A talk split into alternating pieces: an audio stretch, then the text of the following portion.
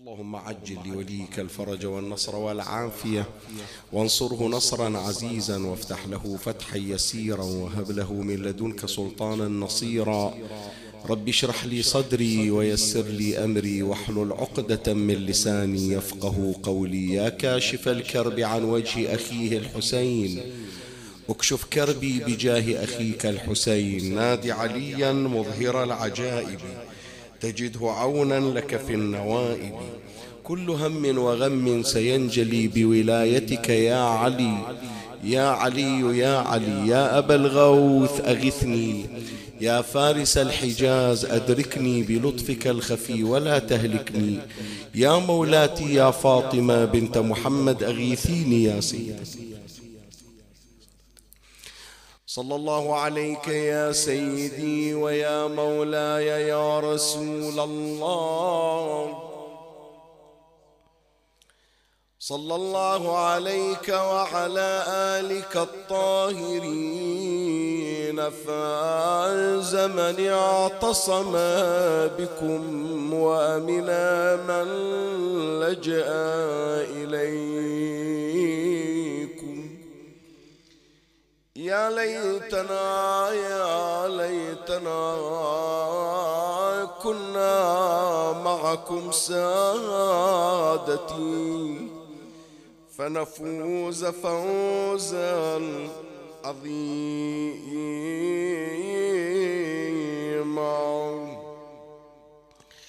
قال إمامنا موسى بن جعفر الكاظم صلوات الله وسلامه عليهما. في حق جدته فاطمة الزهراء عليها السلام يخرج منها خير كثير. اللهم ارزقنا خير مولاتنا فاطمة الزهراء عليها السلام. مولاتي الزهراء صلوات الله عليها هي أم الخير. فلهذا من ألقابها يا ريت أنه إن شاء الله نوفق جميعا يعني أنا أدعو نفسي كذلك أدعو حضراتكم أينما كنتم. مروا على الأسماء الشريفة ولله الأسماء الحسنى فادعوه بها. أسماء الله الحسنى منها أسماء سادتنا محمد وآل محمد صلوات الله وسلامه عليهم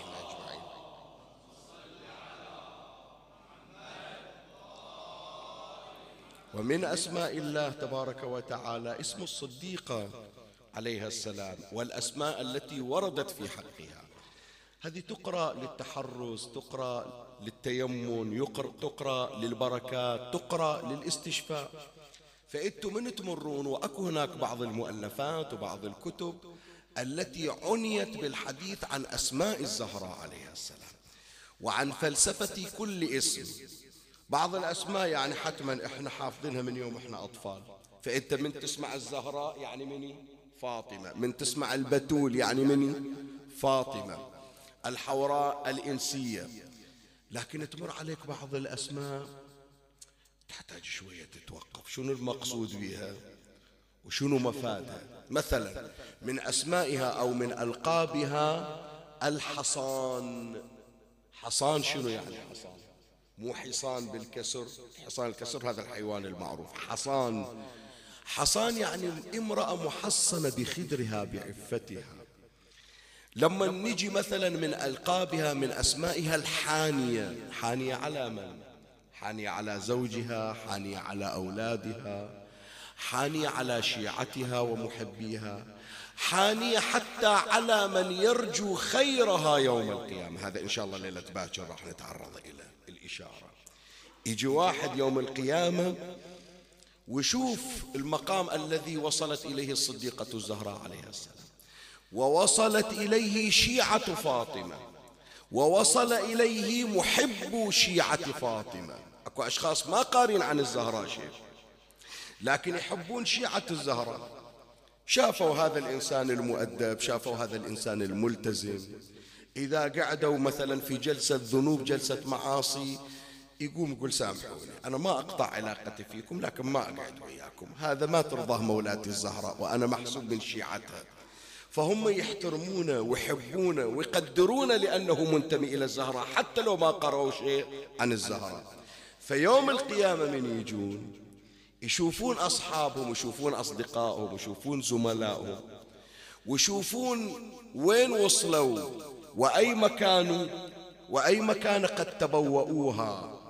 فيقولون مع الأسف لو إحنا شوية صرنا على منوالهم وحبينا الزهرة مثل ما حبوها كان اليوم إحنا وياهم.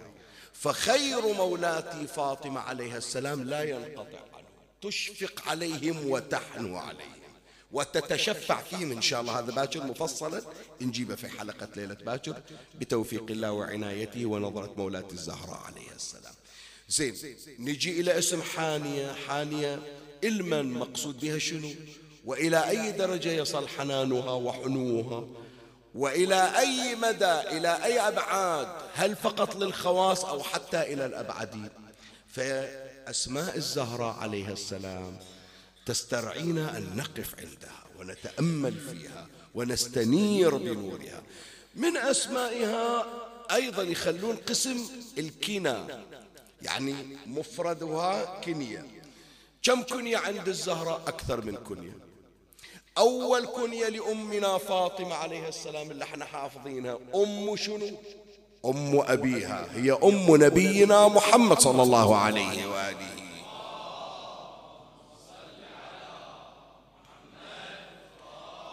وصدق أو لا تصدق هذه الكنية في حد ذاتها تحتاج إلى بحث مستقل.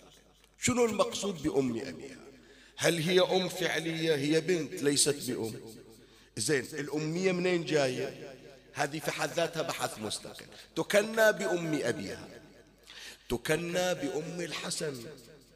تكنى بأم الحسين. البعض يستنكر ساعات يقولون شيخنا ليش تقولون أم حسين؟ مو المفروض تقولون أم حسن. زين هذا مو ظليمة مو هضيمة في حق الإمام الحسن. هذا حق من حقوق الخاصة عادة الأم والأب يكنيان بأكبر أولادهما. وأكبر أولاد الزهراء عليها السلام الإمام الحسن فالمفروض يسمونها أم شنو؟ أم الحسن. هذا عند سائر النساء. تيجي عند الزهراء وعند أمير المؤمنين الأمر مستثنى مختلف. شلون؟ أمير المؤمنين عليه السلام يكنى بأبي الحسن وبأبي الحسين. إذا إجى الإمام الحسين إلى أبيه وأراد أن يكنيه يقول له يا أبا الحسن إذا إجى الإمام الحسن إلى أبيه أمير المؤمنين شي كني باسمه؟ يقول له يا أبا الحسن لا لأن أيضا حق من حقوق الحسين. فيكني الحسن أباه بأبي الحسين ويكني الحسين أباه بأبي الحسن. الزهراء عليها السلام أم الحسن وأم منه. وأم الحسين.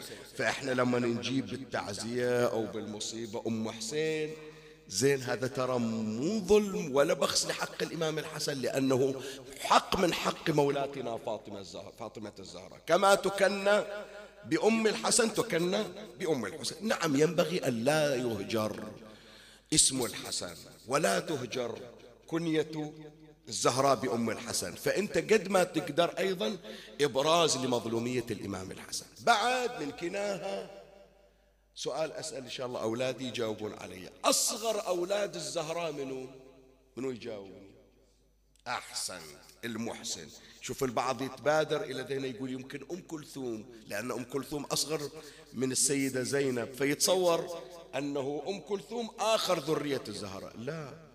آخر ذريته هذا الجنين الذي وقع على الأعتاب. وهذا السبط الثالث. السبط الثالث شلون الحسن والحسين سبطا هذه الأمة لو كتب لهذا الوليد أن يبقى على قيد الحياة لكان السبط الثالث. أصباط ثلاثة. أيضا الزهراء بأبي وأمي تكنى بأم المحسن. فأنت خصوصا أخواتي بناتي أمهاتي. من تسمون الزهراء عليها السلام. أم حسن أم حسين.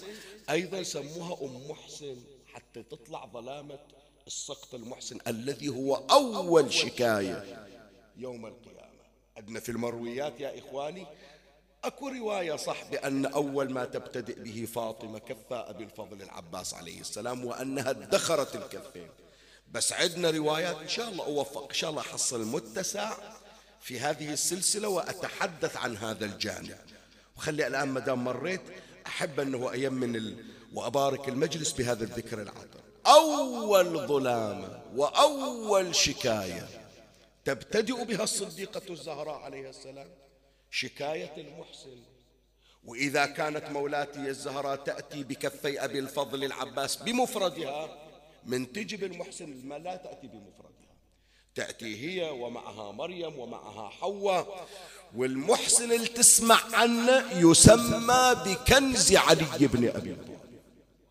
اللهم صل على محمد.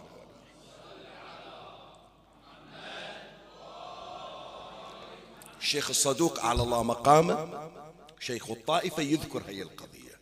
يسمون يوم القيامة كنز علي. زين علي هو الكنز هو قسيم الجنة والنار. زين هذا كنزنا إحنا أمير المؤمنين. كنز أمير المؤمنين شنو؟ المحسن هذا. بالله عليك هذا اللي هو كنز علي يوم القيامة. هذا لو بقى على قيد الحياة بيقدم لنا سؤال بس هذه الليلة خليها تراود ذهنك. لو بقي المحسن ابن فاطمة على قيد الحياة ولم يجهض ولم يقتل ولم يقع على الأعتاب شنو من فقه راح يقدم لنا شنو من مأثورات راح يقدم لنا عمي تفضل هذا دعاء واحد للإمام الحسين دعاء واحد. ما نحكي عن الصحيفة السجادية لا لا لا لا. دعاء مفرد يتيم دعاء عرفة للإمام الحسين. يشرحون العلماء عندنا واحد من علماء البحرين اسمه شيخ عباس الريس يمكن أولادنا ما سامعين بهالاسم يعرفون آبائنا وإخواننا وزملائنا. شيخ عباس الريس شرح هذا الحد هذا الدعاء في أربع مجلدات من أفضل ما كتب في دعاء عرفة شايف؟ هذا الحسين في دعاء.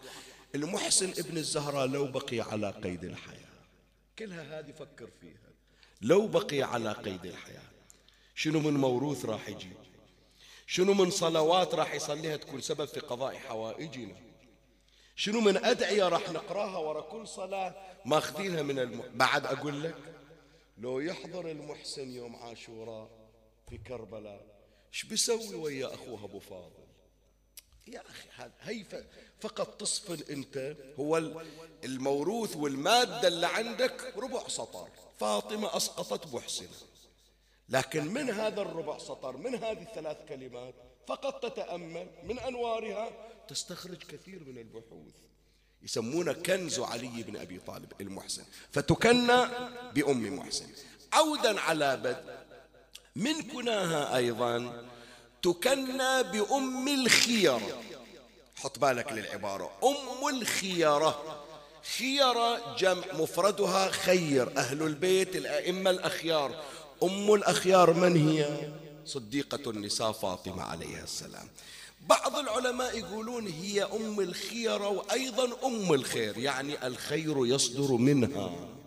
فأنت عمي كل خير وهذا ما راح إن شاء الله راح نجيبه ونتعرض إلى في حديثنا كل خير أنت فيه وكل خير أنت ترجوه سواء في الدنيا أو في الموت أو في البرزخ أو في الآخرة.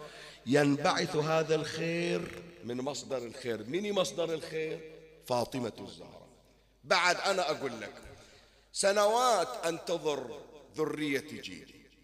ورا 15 سنة 20 سنة الله أعطاني الذرية. الذرية خير لو مو خير؟ خير. من وين إجا الخير؟ من فاطمة. زين هذا الخير اللي جاني من الزهراء عليها السلام خير الذرية. أريد يستمر. ما أريد الولد اللي جاني عقب عشرين سنة ورا أسبوع يموت وأفقده وأروح أدفنه. أريد يبقى وأريد أنا أفارق الحياة وهو يحمل اسمي. استمرارية الخير ببركة الزهراء وبخير الزهراء. بعد ما أريد الولد هذا أنا بس يصير على قيد الحياة. أسوي فيه لما يصير عمره عشرين سنة؟ تالي يصير ملحد يصير منحرف يصير فاسد. فعوض أنه أجيب من وراه رحمات ودعوات إلي أحصل من وراه لعنات فأنا هم أريد الولد وهم أريد بقاء الولد وهم أريد صلاح الولد.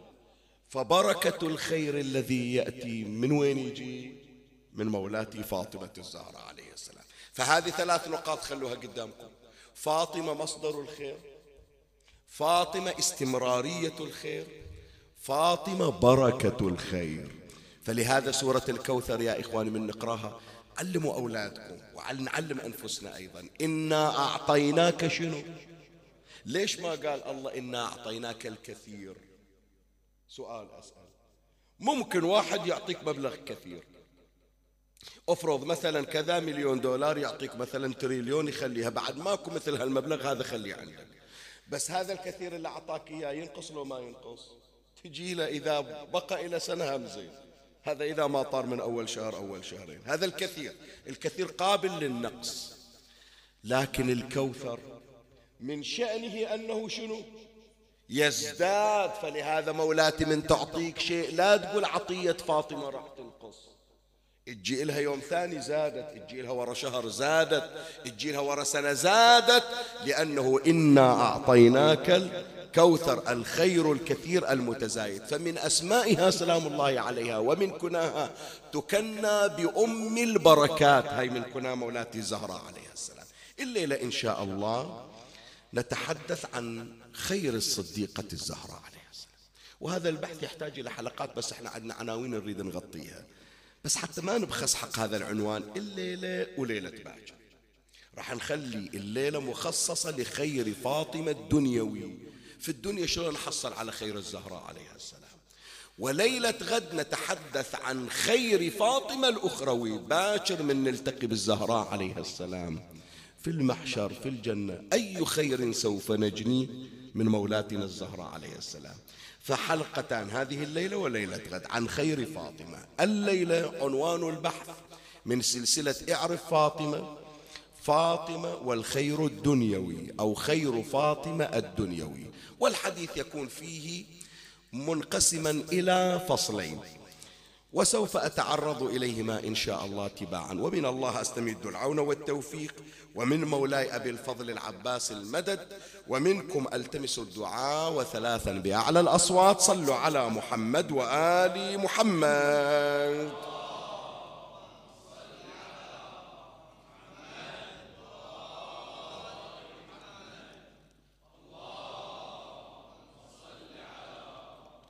اللهم صل على محمد. وعجل فرجهم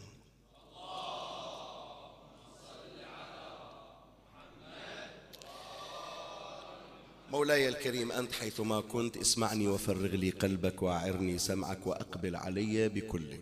هذه هي الحلقة الثالثة من سلسلة إعرف فاطمة وعنوان بحث هذه الليلة خير فاطمة عليها السلام الدنيوي. نتحدث فيه عن خير الزهراء عليها السلام في هذه الدنيا وكيف نستطيع الوصول إلى خيرها صلوات الله عليها. والبحث ينقسم إلى قسمين أما القسم الأول أو الفصل الأول فعنوانه خير ليلة القدر من خير فاطمة الزهراء عليها السلام. شوف حبيبي إحنا عندنا ليلة يسميها القرآن ليلة الخير. وفرق بين أمرين. أكو عندك شيء اسمه ليلة خير وعندك شيء ثاني يسمونه ليلة الخير. شنو الفرق بين الاثنين؟ ليلة خير وليلة الخير. شنو الفرق؟ شوية بس صفي ذهنك وحاول تتأمل فيها وتستنتج بعض الأفكار. من أقول ليلة خير منكرة يعني كل ليلة تمر في حياتي أرجو أن أنال فيها على خير. ولهذا يا إخواني إحنا عندنا حديث عن أهل البيت عليهم, عليهم السلام. لا تعاد الأيام فتعاديكم. أكو بعض الأشخاص عندهم سلبية وعندهم حالة اشمئزاز وحتى لو ماكو بذاك اليوم شر هو يجيب له نفس الشر. أكو بعض الأشخاص الشكل يتشائم من كل شيء. الدنيا معرضة جنابك فيها إلى الحوادث. معرضة إلى المطبات معرضة إلى العثرات. اليوم في مطالعاتي في الروايات الإمام موسى ابن جعفر سلام الله عليه اللي عادة إحنا من نطيح بشدة والمرضى عادة يروحون إلى الإمام الكاظم عليه السلام ولا نسمع بأنه كثير من الأمراض المستعصية على الأطباء شفيت ببركة الله بسر الإمام موسى ابن جعفر سلام الله عليه. أبرزها قصة عين بنت الشيخ الوائلي. أستاذنا السيد جاسم طويرجاوي وحالة اللي كانت ميؤوس منها وشافوا الأعاجيب ببركة الإمام موسى بن جعفر عليه السلام. زين هو الإمام الكاظم عليه السلام. ينقل إلى بعض أصحابه اسمه علي بن أبي حمزة. راح نجيب جزء من الرواية بس تتمة الرواية الإمام يسولف له يقول له المرض يجيني السخونة تجيني الحمى تجيني. وما تقعد لحظات وتروح لا الظل عندي مدة وأحيانا تستمر. يعني تسمع إيش أقول لك. البعض من يطول وياه الحمى أو السخونة. يقول شو هالمرض؟ شو مسوي حتى المرض مو رايح يروح من عندي؟ الإمام الكاظم يقول مرات سنة كاملة أظل مصخر سنة كاملة. يطلع بهذا التعبير المجازي هو مفاد النص الروائي. يقول ينزل من الجزء الأعلى إلى الجزء الأسفل. يعني خلاص يبرد جبيني يبرد جسمي لكن رجائي مسخرة. يصعد من أقدامي إلى الأعلى. كل يوم شكل كل يوم الحمى شكل. ليش؟ حتى يبين لنا الإمام ترى يبين بأن الدنيا فيها مطبات فيها عثرات فيها صحة فيها شفاء فيها سجن فيها حرية فيها فقر فيها غنى فيها رجل عقيم فيها رجل عنده ذرية فيها رجل عنده ذكور فيها رجل عنده أناث فيها شخص يكون مسؤولا في عمله فيها شخص يكون عامل وأصغر عامل. فيها شخص يبقى في عمله إلى سنوات وفي كل مرة يرقى وفيها شخص يفصل من غير سبب. العبرة في هذه المطبات والعثرات شنو يا جماعة؟ العبرة في هذه المطبات كيف أتعايش معها؟ أنا كإنسان مؤمن. وين بركة المجالس؟ وين بركة القرآن؟ وين بركة الأدعية؟ بركة الأدعية أن أهل البيت عليهم السلام يعلمونا كيف نتعايش في كل وقت وهذا نموذج أمير المؤمنين سلام الله عليه. يعني. علي وليد الكعبة. علي مهدد بالقتل. علي جندي عند رسول الله. علي ينصب أميرا ويبايعه مية وثلاثين أو مية وسبعين ألف نسمة. علي حبل في عنقه. تصور شوف هذه كلها. شوف الخط البياني والتعرج شلون يصعد وينزل. علي يقلع باب خيبر. علي تضرب زوجته أمامه. علي خمسة وعشرين سنة لا يصعد منبر. تخيل جنابك أنت. خل هالرسالة هذه يمكن يفهمونها إخواننا وزملائنا وأساتذتنا الخطباء. إلا صار له سنوات يصعد المنبر تمر عليه سنة لمرض أو لعائق ما يحصل مجلس. يقول لك مو قضية المردود المالي. لا أنا ما أتصور نفسي يمر علي موسم من غير قراءة من غير تعزية. تفضل هذا ما أقول لك خطيب أقول لكم أنتم حضراتكم الجائحة مرة تتسكر الماتم فترة. تعتبر كأنما هذه من من العمر. شلون عمري يجي؟ الحسينية ما مفتوحة. صحيح لو لا؟ فإذا أنت تستا علي خمسة وعشرين سنة لم يصعد منبرا. هذا اللي تسمع عنه نهج البلاغة وتسمع عنها الخطب وتسمع عنها المعاجز وعنها الغيبيات. ترى في أقل من خمس سنوات أربع سنوات وأشهر. دور لي أنت خطبة لعلي على منبر رسول الله صلى الله عليه وسلم. دور لي درس في حلقة من الحلقات. الإمام الصادق والإمام الباقر عندهم حلقات في مسجد النبي. ليش أمير المؤمنين ما صار عنده حلقات ودروس؟ زين خمسة وعشرين سنة علي مجمد علي مهمش يطلعونه برا يروح يسقي زرع يروح يغرز زرع يضطر يتداين يضطر يرهن درعة عند اليهود. هذا علي بن أبي طالب. تاليها علي تجيه الذهب. ويخليها في بيت يسوي لها بيت. بنك مثل ما نعبر عنه. ويصيح يا حمراء يا بيضاء غري غيري. هذه ما قالها يا حمراء يا بيضاء غري غيري لما كان في المدينة. كان ما عنده ياكل يرهن درعة. مو ما عنده يعني فقير لا الأموال اللي تجي يروح يصرفها على الفقراء. لكن ما يقدر يتولى الوظائف الرسمية. تاليها يصير خليفة المسلمين. شوف هذه التعرجات. في الخط البياني في سيرة أمير المؤمنين. في كل الأحوال علي هو علي. في كل الأحوال أمير المؤمنين هو أمير ما نقصت قوة علي وما نقص علم علي وما نقصت بلاغة علي. ما أدري اسأل الخواص. إلزم لك رادود وسايلة وإلزم لك خطيب وسايلة قول له لما نظل سنة كاملة ما تصعد منبر. من تجي الآن تشارك يقول لا بعد خلاص الموهبة قلت تحتاج إلى صقل وتمرين وتدريب. فخمسة وعشرين سنة ماكو خطبة قول لي علي دخل دورة تدريبية تحضيرية تمرينية. يقول أنا صار لي مدة ما حاكي ما متكلم. أخاف أني أنا فقدت بلاغتي.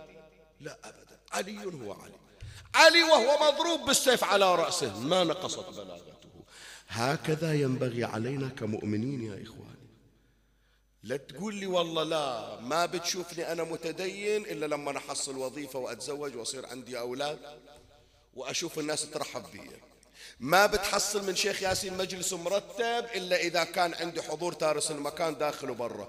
أنا ويا اثنين ثلاثة ما أعرف أقرأ. هذا ما صار. صرت أنا أسير الظروف. بينما الإنسان المؤمن هو الذي يصنع الظروف. شوف في أحلك الظروف أهل البيت أنتجوا خطبة الزهراء عليها السلام وهي مغصوبة. تفضل إلى الآن الفقهاء يطلعون من عندها بحوث الحسين مولاتي زينب. ليش أقول مولاي الحسين؟ مولاي الحسين مصباح الهدى وسفينة النجاة. تفضل. هذه خطبتها ذكرت المعاجز زينب. وهي سبية وأسيرة. الإمام الكاظم طلع لك مجموعة من الحوائج المقضية. بسبب شنو؟ بسبب شنو؟ في سجن لكن قال أراويكم أراويكم هو سجن تريدون تقطعون خيري لا خيري يزيد. إحنا ما نصير أسراء للظروف. إمامنا صاحب العصر والزمان عجل الله فرجه الشريف. شوف شنو من العلوم يعني أنا كنت أتمنى أنا ولا أهجر إن شاء الله. الله لا يجيب ذاك اليوم اللي أهجر فيه ذكر مولاي. حتى لو كان موسم بغير اسم مولاي الحجة لازم يكون هناك أثر للإمام الحجة أرواح نافذة. غير في غيبة غير ما شفنا وجهه تفضل تعال شوف. كم من علوم طلعت كم من أدعية طلعت. سؤال أسألك إحنا عدنا ترد علي أهل الإيمان. شهر رمضان يا جماعة أول ما يبدي المسجد والمأتم بقراءة دعاء دعاء شنو يسمونه؟ دعاء الافتتاح. إلا شرحوه في مجلدات. إلا الآن تضج المجالس به في شهر رمضان. إلا إلى الآن في دروس واستفادات يأخذها هذه من عطايا صاحب الزمان في غيبته.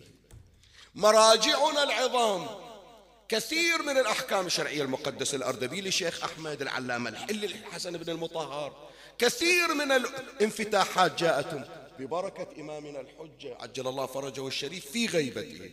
هذا لو كانت هناك حوزة والإمام قاعد في الحوزة يدرس, يدرس مثل ما قعد جد الإمام الصادق. إيش بيقدم أكثر وأكثر؟ بس يقولون لك أهل البيت هكذا نحن. ونريد شيعتنا هالشكل. راح تجيكم مطبات بحياتكم بس ابقوا كما علمناكم. فعدنا هذه ليلة خير من تقول ليلة خير يعني أكو بعض الليالي فيها خير. لا تتشائم لا تقول إيش هالليلة هذه لا تقول إيش هاليوم ما أطلع من البيت أحسن. تأمل الخير تجده. هذا إذا إجت ليلة خير منكرة. لكن إذا إجتك ليلة الخير بالألف واللام. يعني شنو؟ يعني جمع الخير في تلك الليلة. أي ليلة هي التي ليلة الخير يا جماعة؟ ليلة القدر خير من ألف شهر. يعني أكو بعض الليالي يجيك خير لو ما يجيك لكن هذه الليلة لا يوجد أحد محروم من خير الله. لأن الخير يوزع. ما تسمع أنت ليلة القدر؟ ليلة القدر ليش سموه ليلة القدر؟ تضيق الدنيا بالملائكة جايبين جوائز. ما تلحق الكرة الأرضية ما تستوعب الجوائز الربانية اللي نازلة من من السماء إلى إلى إلى خلقه. تمام؟ فيسمونها ليلة الخير. لكن حط بالك.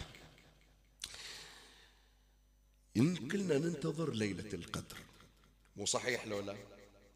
مو كلنا نقول اللهم بلغنا ليلة القدر. حتى المجالس عندنا الشهر رمضان في شهر رمضان. أول ليلة ثاني ليلة عاشر ليلة. الحضور يمكن داير مدار يمكن قليل. تيجي ليلة القدر. أوه.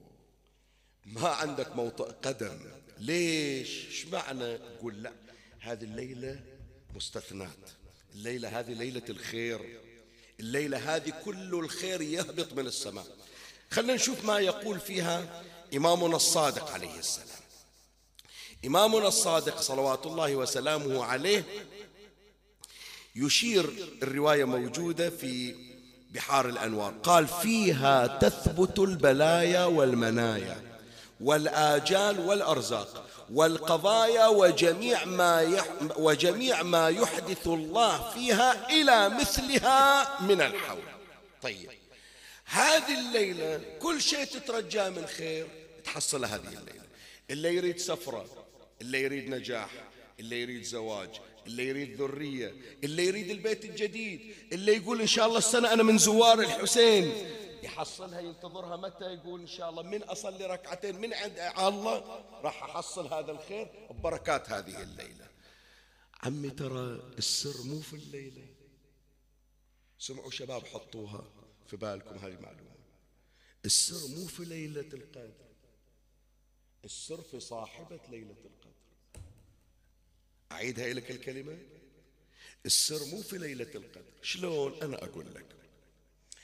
لما يصير عندك مكتب إحنا لا في العاصمة في المنامة في البحر. ويجيك كل سنة مسؤول وشايل عنده مبلغ مالي يوزعه على المجموعة. متى؟ قال هالتاريخ من كل سنة راح أجي. هالتاريخ في كل سنة راح أجي وأفتح المكتب وأوزع كل واحد يجي ياخذ المكسوم من يتوفى يا جماعة ويصكون المكتب المكتب يطلع فلوس. سؤال أسأل. تجي في نفس التاريخ تحصل شيء في المكتب. خلاص. ليش؟ لأن الخير إجاك لا من التاريخ ولا من المكتب وإنما من الشخص الذي سكن المكتب وجاء في ذلك التاريخ. فإحنا يا إخواني ليلة القدر مو في هي ال 12 ليلة أكو السر لا. وإنما هناك خير من الله جعله الله في وعاء وظرف وخصه بهذا التوقيت. مثل الشخص اللي جاي محمل بالمكافآت بالهدايا واختار لك ساعة معينة في مكان معين. مو الساعة ولا المكان وإنما الشخص هو الذي جاء لك بالخير. لا الوقت ولا الزمن. قد يغير لك الوقت. قد يغير لك المكان. لهذا يا إخواني ليش عندنا ليلة القدر أكثر من ليلة؟ ليش الإمام يقول لا يقول له اطلبها في العشر الأواخر؟ ما حدد ليلة واحدة. يقول السر مو في الليلة. يمكن ما لحق ذيك الليلة. نعوضك بليلة ثانية. لأن الخير مو في الساعة بعينها. وإنما الخير في وين؟ في صاحب الساعة. الآن نسأل من هي صاحبة القدر من التي ببركتها جاء خير ليلة القدر؟ صديقة النساء فاطمة عليه السلام. ولهذا شوف الحديث عن إمامنا جعفر بن محمد الصادق عليه السلام في بحار الأنوار الجزء 43 صفحة 65 قال الإمام الصادق في قوله تعالى إنا أنزلناه في ليلة القدر قال الليلة فاطمة. الليلة مو 23 ولا 21 ولا 27 ولا 19 ولا 17 ولا الليالي الفردية. الليل زين فاطمة جسم مو 60 ثانية ولا 60 دقيقة فاطمة. اي بس الإمام يريد يقول خير ليلة القدر هو خير منه. خير فاطمة عليه السلام. قال الليلة إنا أنزلناه في ليلة القدر الليلة فاطمة. والقدر الله فمن عرف فاطمة حق معرفتها أدرك ليلة القدر. وإنما سميت فاطمة لأن الخلق فطموا عن معرفتها. شوية خلي أوقف. عندي ملاحظتين. أمر عليها سريعا عند هذه النقطة. شوف مولاي الكريم. ليلة القدر كل الناس ينزل عليهم الخير.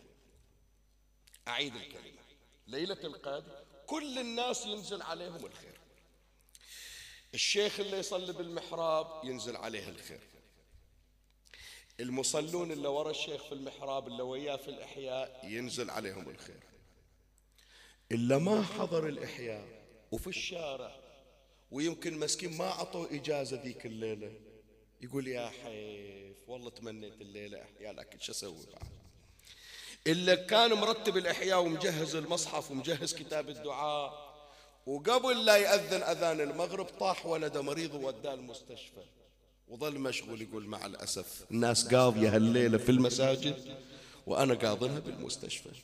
أسأل الله في هذه الليلة باسم الزهراء عليه السلام أن يمن على المرضى بالشفاء والعافية سيما من سألونا لأجلهم الدعاء. يوصونكم إخواني اللي بالبحرين وخارج البحرين لا تنسونهم. دائما قدموهم على أنفسهم فإن الله يقدمكم على غيركم لكرمكم لأنكم لستم بأكرم من أكرم الأكرمين. فمولاي الكريم هذا يتحسف مع ذلك يجيه الخير. يقول ما أدري منو دعا إلي. أنا ما دعيت لا قريت دعاء جوشن لا صليت. أصلا ما مداني أشيل إيدي وأقرأ دعاء مشغول إلى الصبح ويا الولد. فكري مشدود ما أدري منو دعا. لا ولا يمكن أحد ذاكر إن ذاك اليوم. لا أكو أحد صاحب الزمان ما ينسى. بس من أصحابي يمكن نسوني ما جابوا طاري. لكن الله يقول له شوف رحمتي وسعت شنو؟ كل شيء. من الأشياء من دعاني ولم يدعوني حتى اللي انشغل عني إذا هو نساني لسبب أنا ما أنساه من رحمتي. فالخير يجي. ليش يا جماعة؟ لأن الخير يسع الجميع في ليلة القدر. مولاة الزهراء عليها السلام هم أيضا نفس الشيء. خيرها مو بس على شيعتها. خيرها مو بس على شيعتها يا جماعة. خيرها على شيعتها على محبيها. حتى على من لا يعرفها. إن شاء الله أوفق في بقية المجالس أجيب لك الآن ما عندي متسع شلون امرأة أصلا غير مسلمة؟ بس كانت جارتها تسمعها تقول إحنا من نصير بشدة نستعين باسم فاطمة.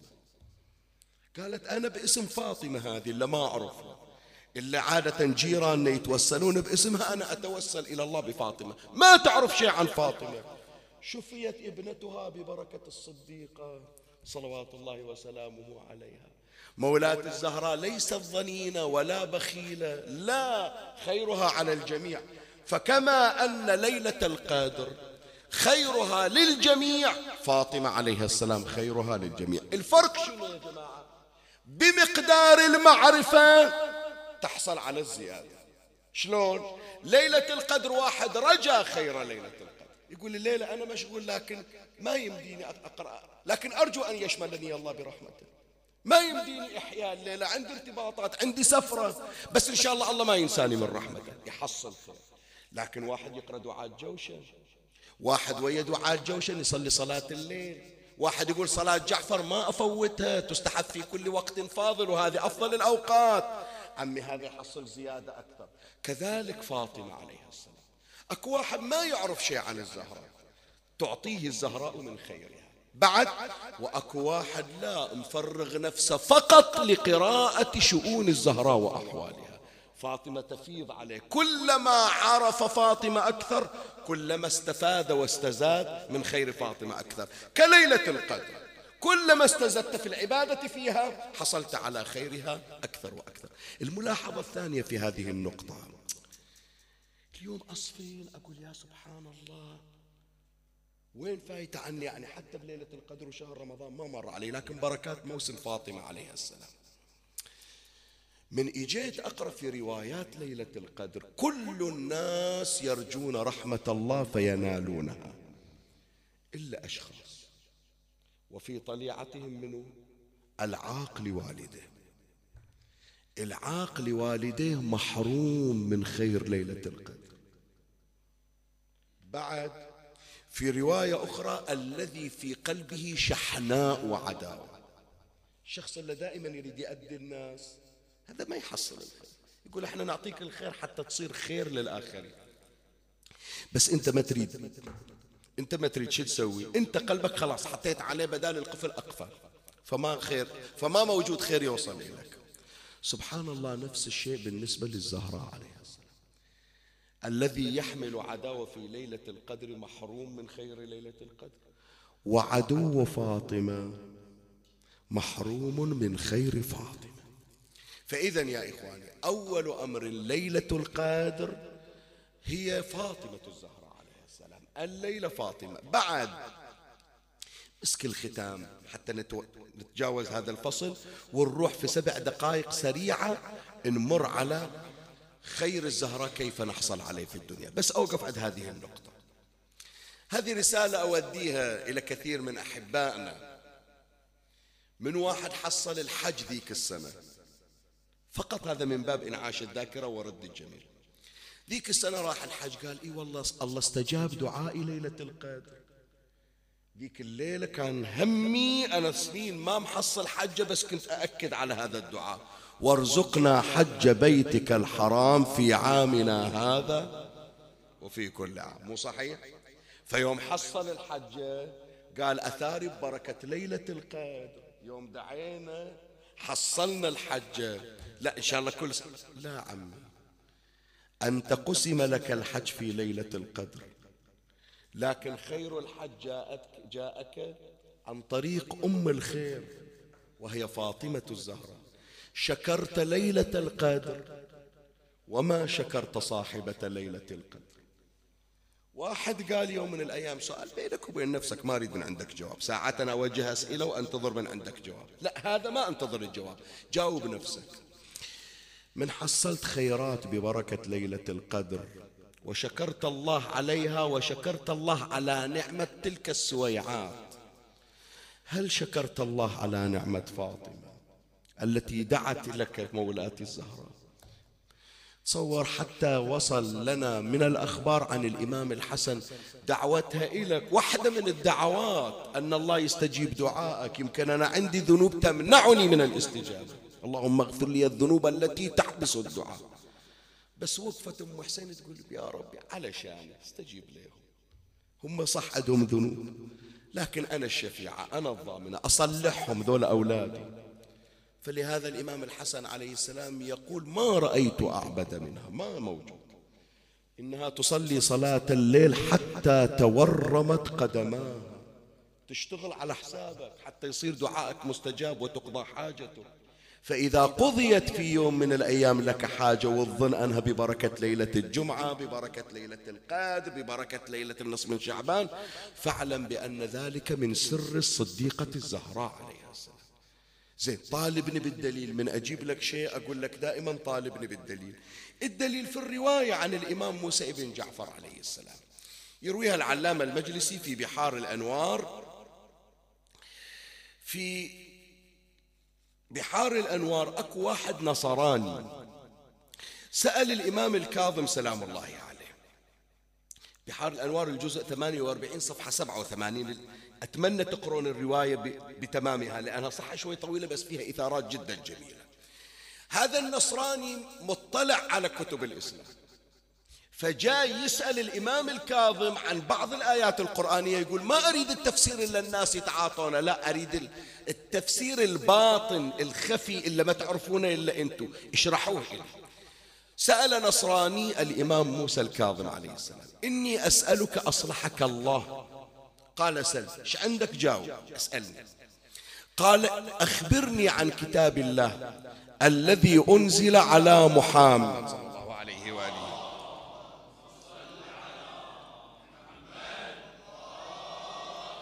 أخبرني عن كتاب الله الذي أنزل على محمد ونطق به ثم وصفه بما وصفه به فقال حاميم والكتاب المبين إنا أنزلناه في ليلة مباركة إنا كنا منذرين فيها يفرق كل أمر حكيم. ما تفسيرها في الباطن؟ يقول ما أريد التفسير الظاهر اللي عند الناس أريد التفسير الخفي إلا من أسراركم. فقال تتذكرون الرواية اللي جبناها البارحة المسامير مسامير نوح؟ في كل مسمار سوينا صلوات الآن تفسير الإمام الكاظم عليه السلام. في كل فقرة أريدك تملي المكان حتى اللي يسمعون في البيوت. يملؤون بيوتهم بنور الصلوات. قال أما حاميم فهو محمد صلى الله عليه وسلم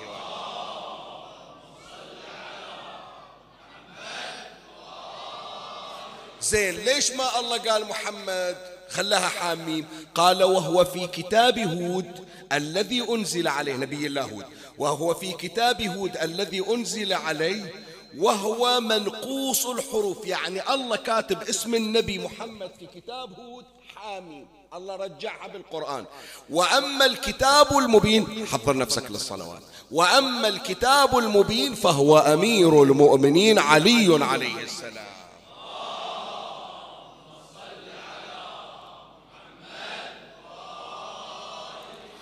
وأما الليلة ففاطمة صلوات الله عليها.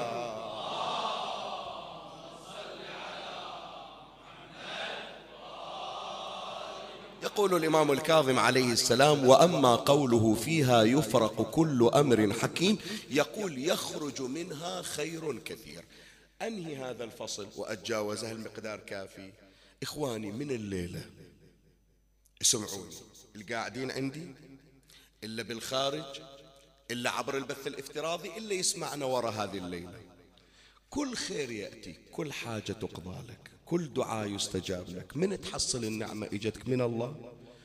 اشكر الله واشكر فاطمة الزهراء. قل شكرا يا فاطمة. سألت الله أن يرزقني فرزقني. سألت الله أن يقضي حاجتي فقضيت حاجتي. جعل الله كل الخير في صندوق وكنت أنت ذلك الصندوق الإلهي الذي يحمل الخير الرباني. شنو قيمتنا من غير خير فاطمة يا جماعة؟ هذا خيرها في الدنيا هذا الفصل الأول بينت لك حاجتنا إلى هذا الخير وتعلق هذا الخير بليلة القدر. في الفصل الثاني سريعا حتى نختم حديثنا. قبل لا توصل الساعة يكون نختم حديثنا. الفصل الثاني يجي واحد يقول شيخنا زين عرفنا مولاة الزهراء. هي أم الخير. وإحنا ندري الزهراء عليه السلام ما تقصر. بس شو أسوي أنا؟ حاجتي اللي صار لها سنوات متعطلة. مرض إلا ما جاي أصحي من عنده وأشفى. الشدة اللي كل يوم أوقع فيها حالي المتعثر. إيش أسوي؟ شلون أقدر بواسطة الزهراء أن أحصل على خير فاطمة؟ فأنا أبين لك الآن سريعا كيف تحصل على خير فاطمة عليه السلام في الدنيا. أولا تستطيع أن تتخلص من الشدائد بحب فاطمة عليها السلام. شدة شدة مرض عندك جار مأذنك عندك مسؤول في العمل مضايقنك أمورك مي جاية تمشي بحسب الأمور مستقيمة مستقرة. جرب أن تضاعف من حب الزهراء عليه السلام. شلون؟ قال الحديث عن نبينا رسول الله صلى الله عليه وآله في بحار الأنوار الجزء 27 صفحة 116 قال يا سلمان من أحب فاطمة ابنتي فهو في الجنة معي ومن أبغضها فهو في النار. يا سلمان حب فاطمة. ركز على هالكلمة. يا سلمان حب فاطمة ينفع في مئة موطن. أيسر تلك المواطن الموت والقبر والميزان والمحشر والصراط والمحاسبة شوية أوقف هنا يمكن حديثي كل هذا اللي جبته. عندي هذه النقطة أهم النقط مرات يتصلون إلي بعض الإخوان والأخوات بالبحرين من خارج البحرين. شيخنا ادعي لنا بالمجلس لا تنسانا. الحاجة اللي عندي مي راضية تنحل ولا راح تنحل أقول إن شاء الله أهل البيت ما يقصرون تأمل خير في الله تأمل خير في أهل البيت. لا شيخنا أنت ما تدري. أقول له مع ذلك. خلي يقينك بألله. خلي يقينك بأهل البيت. كل ما أحاول أقنعهم بأنه مهما كبر الشيء فإننا في تكبيرة الإحرام نقول شنو؟ الله شنو يعني الله أكبر؟ الله أكبر. مو بس مثل ما نتصور الله أكبر من الآلهة المزعومة وأكبر من الصنم. لا. عندي مشكلة الله أكبر من المشكلة. عندي عدو الله أكبر من العدو. عندي مرض الله أكبر من المرض. عندي فقر الله أكبر من جرب التكبير وشوف الأثر. ليش يا جماعة الحسين كل ما كبر في المعركة انهزموا من بين يديه؟ ثلاثين ألف وهو نفر. وعطشان. يقول أدري. تهولوني لا إحنا عندنا عقيدة بالله. مهما جيبوا هالثلاثين ألف خلوها ثلاثة تريليون. بس تصيح الله أكبر فارغ خليه يصير عندنا الاعتقاد ما يقبلون. كل ما أحاول أزرعها فيهم ما يقبلون. شوف حديث النبي صلى الله عليه وسلم. ليلة إدرسة طلعها أنا أعطيتك المصدر مال الرواية طلع الرواية وتأمل فيها وادرسها. كلام النبي صلى الله عليه وآله يقول بأن حب الزهراء ينفع في مئة موطن. وأيسر المواطن شنو؟ القابر الموت الميزان المحاسبة. بالله عليك أسائلك أكبر مستشفى منو ينجيه من الموت؟ سؤال أسأل. مريض ومودينه وخلاص ما يؤس حال. أكبر مستشفيات العالم. أي مستشفى اللي ينجي من الموت وينقذ من الموت؟ أكو. النبي يقول حب الزهراء يهون سكرات الموت يخفف الموت. حتى أحيانا حالات ميؤوس منها. الطبيب يقول ميت ميت خلاص وادعوا تالي تطلع بركات الزهرة ويقوم كل شيء ما صحيح لو لا؟ فيا جماعة ليش جايبنا هذا الشاهد؟ إذا كان الموت وهو أكبر شدة حب الزهراء يقول هذا أيسر مصيبة. هذا لا شيء أمام حب فاطمة. شنو والله حاطين مسؤول علي ومأذني شنو ضاق صار لي الآن شهرين بلا وظيفة؟ شنو تأخر بيتي بعد ما وصل إلي بعد ما جهز؟ شنو صار لي مدة الراتب مو راضي يوقف بإيدي؟ من يصير عندك يقين في الزهراء عليها السلام أنها مفتاح كل خير تجيب لك الخير بس تريد تخلي يقينك فيها. فقط ضاعف من المحبة. وهذه تجربتي أنا أنقلها لكم تجربة هذا اللي هو أقل الناس بضاعة. ما تشوفون أنا قبل لا أقول صلى الله عليك يا مولاي. دائما الأذكار وآخر كلمة اللي يسجلون أنا عادة ملاحظ يعني بعض من أولادنا وبناتنا حتى اللي ما يحضرون يقولون هذه نسجلها ونذكرها. وشفنا أثرها. من أول ما أبتدي بالله أستعين وعليه أتوكل. آخر شيء أقول شنو؟ يا مولاتي يا فاطمة بنت محمد أغيثيني. تدري قبل لا أصعد المنبر يمكن بعضكم ما يدري. أحيانا ينزل علي مرض ما أقدر أحكي في البيت يعرفوني ما أقدر أحكي. طول اليوم ما أقدر أطلع من الغرفة من على السرير ما أقدر أقوم. تحضيري وأنا على الفراش شلون أقرأ ما أدري. مرات المرض مرات حتى هذا من كثرة الروايات. أقول ما أعرف إيش أسوي شلون أدبرها بس أقول مولاتي الزهراء قدامي. هي إن شاء الله اللي تدير دفة المجلس. ويجي ذاك المجلس يطلع الصوت تجي الصحة يجي التركيز يترتب المجلس. مرات شافوا كثير من المجالس شيخنا سامحنا ماكو عندنا أحد منين إجوا المعزين والمستمعين؟ ما ندري. ترتبة أم حسين ترتبة أم الحسن. فقط خلي عندك يقين فيها. حب فاطمة يخلص من الشدائد. واحد. اثنين. تيسير الأمور العالقة ببركة تسبيح الزهراء عليها السلام. الحديث عن إمامنا الصادق عليه السلام في بحار الأنوار الجزء 82 صفحة 328 قال الإمام الصادق صلوات الله عليه يا أبا هارون إنا نأمر صبياننا بتسبيح فاطمة عليها السلام. كما نأمرهم بالصلاة فالزمه. شاهد في العبارة. فإنه لم يلزمه عبد فشقي شنو يعني؟ شيخنا وضعي ما راح يتعدل. جرب تعجز. ما ظل باب اللي طقيته. ما راح يتعدل وضعي الإمام الصادق يقول لك جرب وشوف. أكثر من التسبيح مو فقط في الصلاة. لا لا لا لا, لا. بحياتك بطلعتك بسيارتك. وإنت تشتغل بالعمل. واظب على تسبيح فاطمة. الأمور المتعثرة عندك الأمور العالقة عندك راح تشوفها شلون تتيسر. وأنا هذه حتى في التجربة وإن شاء الله الليلة تجرب في زحمة الطريق وإنت عندك مشوار. زين هذا الطريق شي فتحة بعد؟ الطريق شي فتحة حادث قدام وهذا السيف ضارب كله إلى الأخير. جرب تسبيح فاطمة الزهراء إذا عندك شيء من الأمور المتعثرة والمتعسرة الإمام يقول لا راح تنحل تتيسر. فما لزمه عبد فشقي هذا اثنين. ثلاثة شفاء من الأمراض ببركة الاستغاثة بالزهراء عليها السلام. الحديث عن الإمام الكاظم سلام الله عليه في بحار الأنوار الجزء 59 صفحة 102 قال إن أذنت لي أكو واحد اسمه علي بن حمزة قاعد يسولف ويا الإمام قال له سيدي تسمح لي أسولف وياك؟ إن أذنت لي حدثتك بحديث عن أبي بصير عن جدك أنه كان إذا وعك وعك يعني شنو؟ مرض ما تسمع يقولون وعكة صحية إذا وعك استعان بالماء البارد فيكون له ثوبان ثوب في الماء البارد وثوب على جسده. الإمام شو يسوي؟ هذا الآن قاعد يسولف له عن الإمام الباقر. يجيب ماء بارد ويجيب ثوبين. ثوب لابسنه وثوب منقعنه بالماء البارد. وهو بحرارة سخونة يشيل الثوب المبلل بالماء البارد ويلبسه وحط الثاني يبلله. إلى أن يجف اللي لابسنه. يرد يشيل ذاك المبلل مثل ما نقول إحنا شلون كمادات يعني تبريد. بس ويا المعالجة الإمام الباقر يسوي شيء. اسمع. قال ثوبان ثوب في الماء البارد وثوب على جسده يراوح بينهما. ثم ينادي حتى يسمع حتى يسمع صوته على باب الدار. شي يصيح الإمام الباقر؟ هي تحتاج من عندك أرفع صلوات في المجلس. يقول الإمام الباقر يا فاطمة بنت محمد.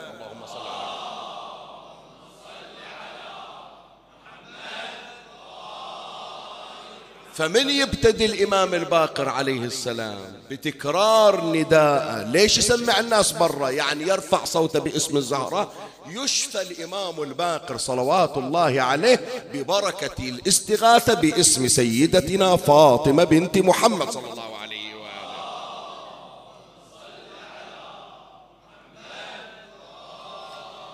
ما قبل الأخير إن شاء الله الشباب عندنا يقتطعون هذه وتحاولون تنشرونها حتى يستفيدون منها الجميع.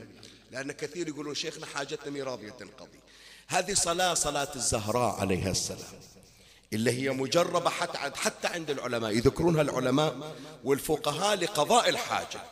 الرواية يرويها العلامة المجلسي في بحار الأنوار الجزء 99 صفحة 254 وغير العلامة المجلسي هم يذكرها.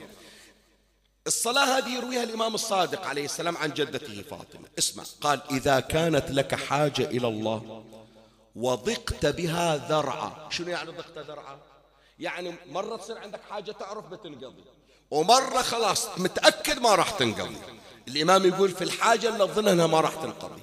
إذا كانت لك حاجة إلى الله وضقت بها ذرعا فصل ركعتين. فإذا سلمت كبر الله ثلاثا. وسبح تسبيح فاطمة عليها السلام. ثم اسجد وقل مئة مرة يا مولاتي يا فاطمة أغيثيني.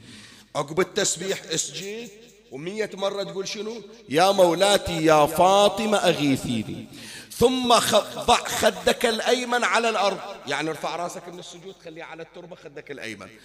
ثم ضع خدك الأيمن على الأرض وقل مثل ذلك. يعني مئة مرة يا فاطمة يا مولاتي يا فاطمة أغيثيني ثم عد إلى السجود وقل ذلك مئة مرة وعشر مرات. زادت كم مرة؟ عشر مرات. ثم عد إلى السجود وقل ذلك مئة مرة وعشر مرات واذكر حاجتك فإن الله يقضيها. فإذا صلاة ركعتين مثل صلاة الصبح وتاليها الشغلة وين؟ بالاستغاثة بالزهراء عليه السلام. أسجد ومئة مرة. يا مولاتي يا فاطمة أغيثيني. أخلي خدي اليمين ومئة مرة. يا مولاتي يا فاطمة أغيثيني. أرجع أسجد ومئة وعشر مرات. فإذا المجموع كم مرة؟ ثلاثمائة وعشر مرات. إن شاء الله تقضى الحوائج. وأما مسك الختام. مولاتي الزهراء عليها السلام من يوفق لخدمتها تنجيه من الأخطار. خطر اللي يودي بالحياة. بركة خدمة الزهراء. يظهر. اسألوا من أمهاتنا وجداتنا هذه الحوادث حاولوا تسجلونها حاولوا توثقونها. كم مرة صار حريق في مطبخ حسينية؟ كم مرة صار تسريب غاز وهم قاعدين يشتغلون ليلة شهادة الزهرة؟ وشافوا بركات الزهرة في نجاتهم وفي سلامتهم. مر علينا يا جماعة مو بس عندنا عندنا وعد غيرنا. لأن مولاتي فاطمة حنونة على خدامها. وخلي أذكر لك هذه القضية اللي يذكرونها عامة المسلمين مو بس الشيعة لا. السنة أيضا يذكرونها. بس ما يذكرون علاقة الزهراء بالقضية. إحنا نجيبها نقول إليها علاقة فاطمة في القضية. أكو وحدة اسمها أم أيمن. سامعين عن أم أيمن لو لا؟ أم أيمن حاضنة النبي. في بعض الروايات ارضعت النبي. وخادمة النبي وخادمة فاطمة. القضية يذكرونها السنة ويذكرونها الشيعة. من تجي تقرأ في ترجمة أم أيمن حتى عند السنة يذكرون القضية أنها خرجت من المدينة إلى مكة وضاعت في الطريق وفقدت الماء ونزل عليها دلو من السماء فيه ماء فشربت منه.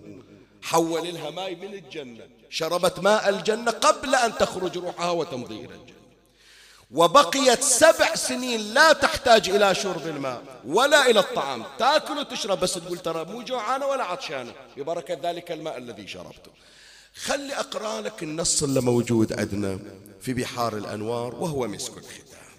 وإن شاء الله نوفق يا إخواني هذه الليلة أن تكتبنا مولاتنا الزهراء عليها السلام في سجل خدامها وأن ينجي جميع أحبتنا ومن أوصونا بالدعاء من الأخطار ببركة مولاتنا الزهراء عليه السلام.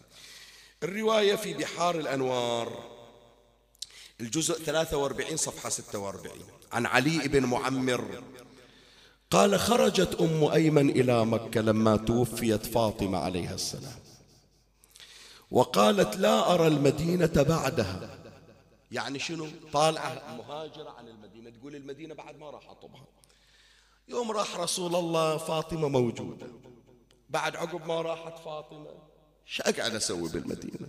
إلى الضيم ما أقدر. فقررت مه... هجرة المدينة رايحة إلى مكة. وقالت لا أرى المدينة بعدها. فأصابها عطش شديد في الجحفة. توها طالعة من المدينة عند المحرم يعني عند الميقات. فأصابها عطش شديد في الجحفة حتى خافت على نفسها. قالت راح أموت. قالت فكسرت عينيها إلى السماء. شوف شنو عبارة كسرت عينيها؟ مرة واحد يريد يدعو هالشكل شايل إيده إلى السماء من حرقة قلبه. ومرة واحد متأكد من الاستجابة بس هالشكل طرف عينه. يقول كسرت عينيها فقط رمقت بإشارة بسيطة. فكسرت عينيها إلى السماء ثم قالت يا رب أتعطشني وأنا خادمة بنت نبيك؟ اللي يموتون في البار ذول البهائم والسباع والقوارب بس أنا عمري قضيته ويا نبيك وبت نبيك. رسول الله أول ما إجا إلى الدنيا أنا اللي شلته على ذراعي وأنا رضعته من صدري. وعشت وياه إلى أن فارق الحياة. وأنا خدمت زوجته خديجة إلى وقت الموت. وبنت فاطمة أنا اللي شايلت لها وأنا اللي ألبسها وأنا اللي أقمطها ما تسميني إلا أمي. رسول الله ما يسميني إلا أمي. ويوم ماتت فاطمة أنا اللي حاضرة عند جنازتها. هالخدمة هذه اللي فنيت عمري بيها؟ ما إلها كرامة عندك يا ربي ما إلها حرمة. أموت في البر حالي حال حال السباع الضواري وحال الحيوانات وأنا خادمة الزهرة. يصير يعني هذا كله. العلامة المجلس يقول. ثم قالت يا رب أنا أتعطشني وأنا خادمة بنت نبيك؟ قال فنزل إليها دلو من ماء الجنة فشربت ولم تجع ولم تطعم سبع سنين.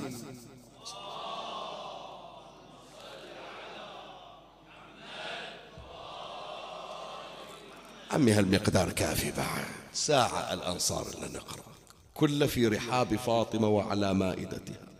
شقد جميل هالمجالس يا إخواني لما ما تطلع عن ذكر أهل البيت. بس أنا إلي حكاية ويا أم أيمن أسولف وياها.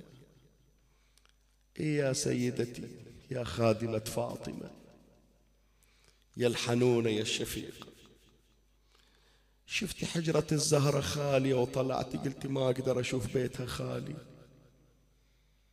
المدينة الكل يتمنى يروحها المدينة كل من يتمنى يزورها المدينة كل من يتمنى يصلي ركعتين في الروضة. خليت المدينة يوم شفت بيت فاطمة خالي. زين يا أم أيمن يوم طلعتي من المدينة ورحت مكة عندك بيت. البنية الصغيرة اللي ظالة في حجرة أمها وين تروح؟ انت ما قدرت تشوفين المكان خالي وتركت المدينة. إلا الليلة عمي طلعت مصلى أمها ونامت عليها. إلا الليلة متعودة هي اللي تفرش سجادة أمها. وتقول هذه حزت صلاتها وين تروح الليلة عمي؟ تهيم على وجهها في البر يعني بس سؤال أسألكم شنو دموعكم زمزم ما خلصت؟ خمس ليالي ما وقفت دموعكم على فاطمة. فيما تلاموا.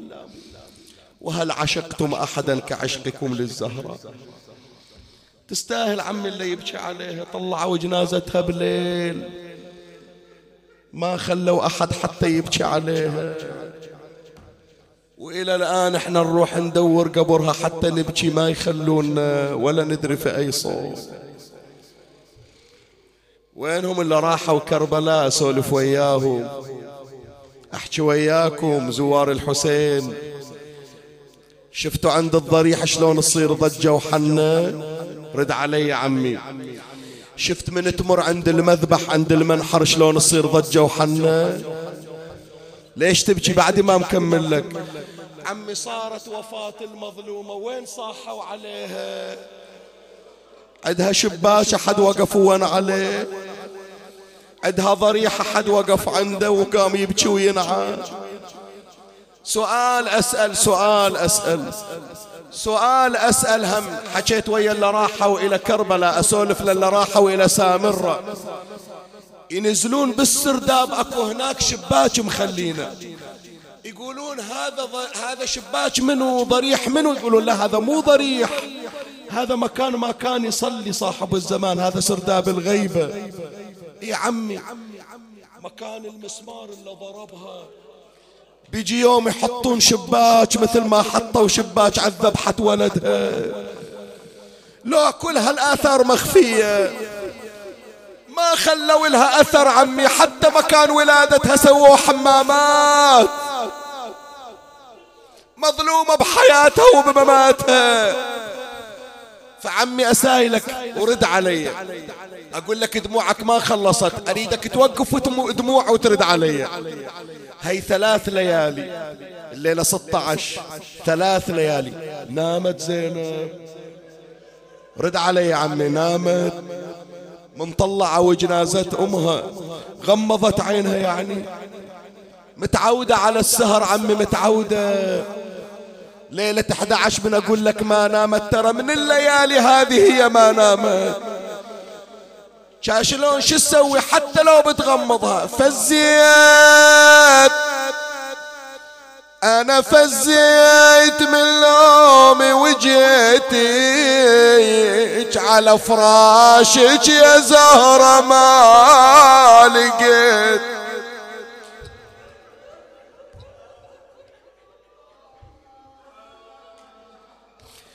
ترجعون بالسلامة لبيوتكم ولا ما شاف أمه يمر يسلم عليها ويطيح على راسها؟ ترى عمي الأم خيمة. الأم خيمة وظلال. اللي يحصل دعوة الأم هذا موفق بحياته. واللي راحت امه عمي ما ينجبر جرح الأم. ابوس إيدك اقرأ وياي خلينا نتذكر أمهاتنا. يما فزيت أنا فزيت من لومي. وجيتك وجيتك. يلا على فراشك يا زهرة مالي. فدوى أروح لك. يما تابوت الخشب. تابوت الخشب ينباب بيتك بيتك يما عسى الموت أخذني ولا منيت يا ريت شالوني أنا على الشيال يا يما. والظلين ويا أخواني. أنا اللي مفقودة لأني ما لي حياة من عقبك يا يما. إي والله. راح أقرأ هذا البيت بصوت منخفض. يا الغالية. يا الغالية وأم الحنونة. الحنونة حسافة على طولك يدفنونه يما بعدش ب 18 سنة مثل الوردة. ما مدانا نستانس وياك يما. ما عطيتني مهلة البيت اللي جاي يوجع القلب أكثر تراها. يا الغالية يا الغالية يا الغالية وأم الحنونة. خسارة على طولك يدفنونا شفت النعش من يرفعونه. اسمعني. شفت النعش من يرفعونه صحت الضلع لتعورون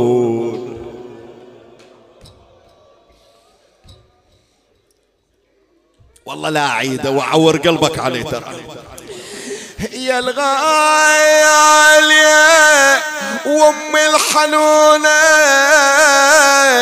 خسارة على طولك يدفنونا يما شفت العش بيطلعونا صحت الضلع لتعورون شوية شوية عليها.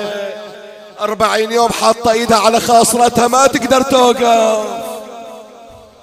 وشالوا نعش أم الأئمة ويسمعون الصوت ورا الباب وإذا علي نزل الجنازة. كان سلمان يسائل هاب وحسين ما بالشيحة قال خلي أشوفها المدللة اللي طلعت.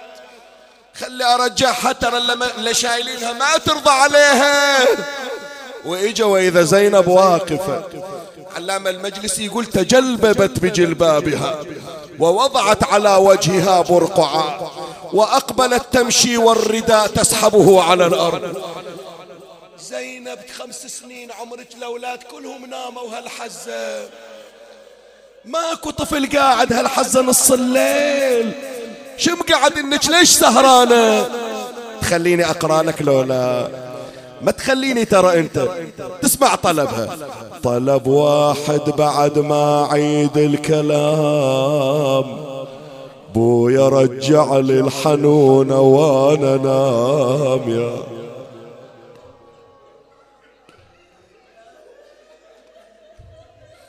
شبعت بواجي؟ طلب واحد بعد ما عيد الكلام. بويا رجع لي الحنون وأنا نام. بعد طفلة وبيتي من أمي ظلام. ظل مدار شلون تغمض عيني يا أبو. خلاص والله كافي. والله كافي. أكثر من هذا أذيك بعد. وإيذاء المؤمن محرم. بس هذا البيت إذا ما تقدر تسمع صم أذنك لأني أقرب نية الحاجة المتعسرة اللي وصلنا من الدعاء. علي يقول لها زينب إيش دعوة ولا جنازة واحدة؟ جنازة واحدة وإحنا وياك وسهرانة. زينب بتصير عندك 72 جنازة. وما حد وياك إيش بتسوي راجل ذيك الليلة؟ أسألك الدعاء. قاسي البيت. ضم دمعك يا وديع للسبيل. من تصعدين على تل الزين. دمع بعيونك بعد ما أريد أشوف ضمي دموعك إلى أرض الطفوف. بالرخصة من السادة ستري وجهك يا زينب. بالجفوف من تصعدين على تل الزينب بس قول لي شلون أقرأ البيت؟ بس قول لي بأي طريقة أقرأ البيت. هذا البيت اللي يطلع الروح من الجسد شلون أقرأه؟ قلبي يا زينب ترستين جمور. ضمي دموعك اذا شفت الشمور. لا تخلينا يدوس على الصدور. شسوي انزلي من على تل الزينب يا بويا الشمر حس حسين نحرة وداست خيلهم من فوق. صدرة يقلبونه وتصعد فوق. ظهرة ولا ظل عظم سالم ما تكسر.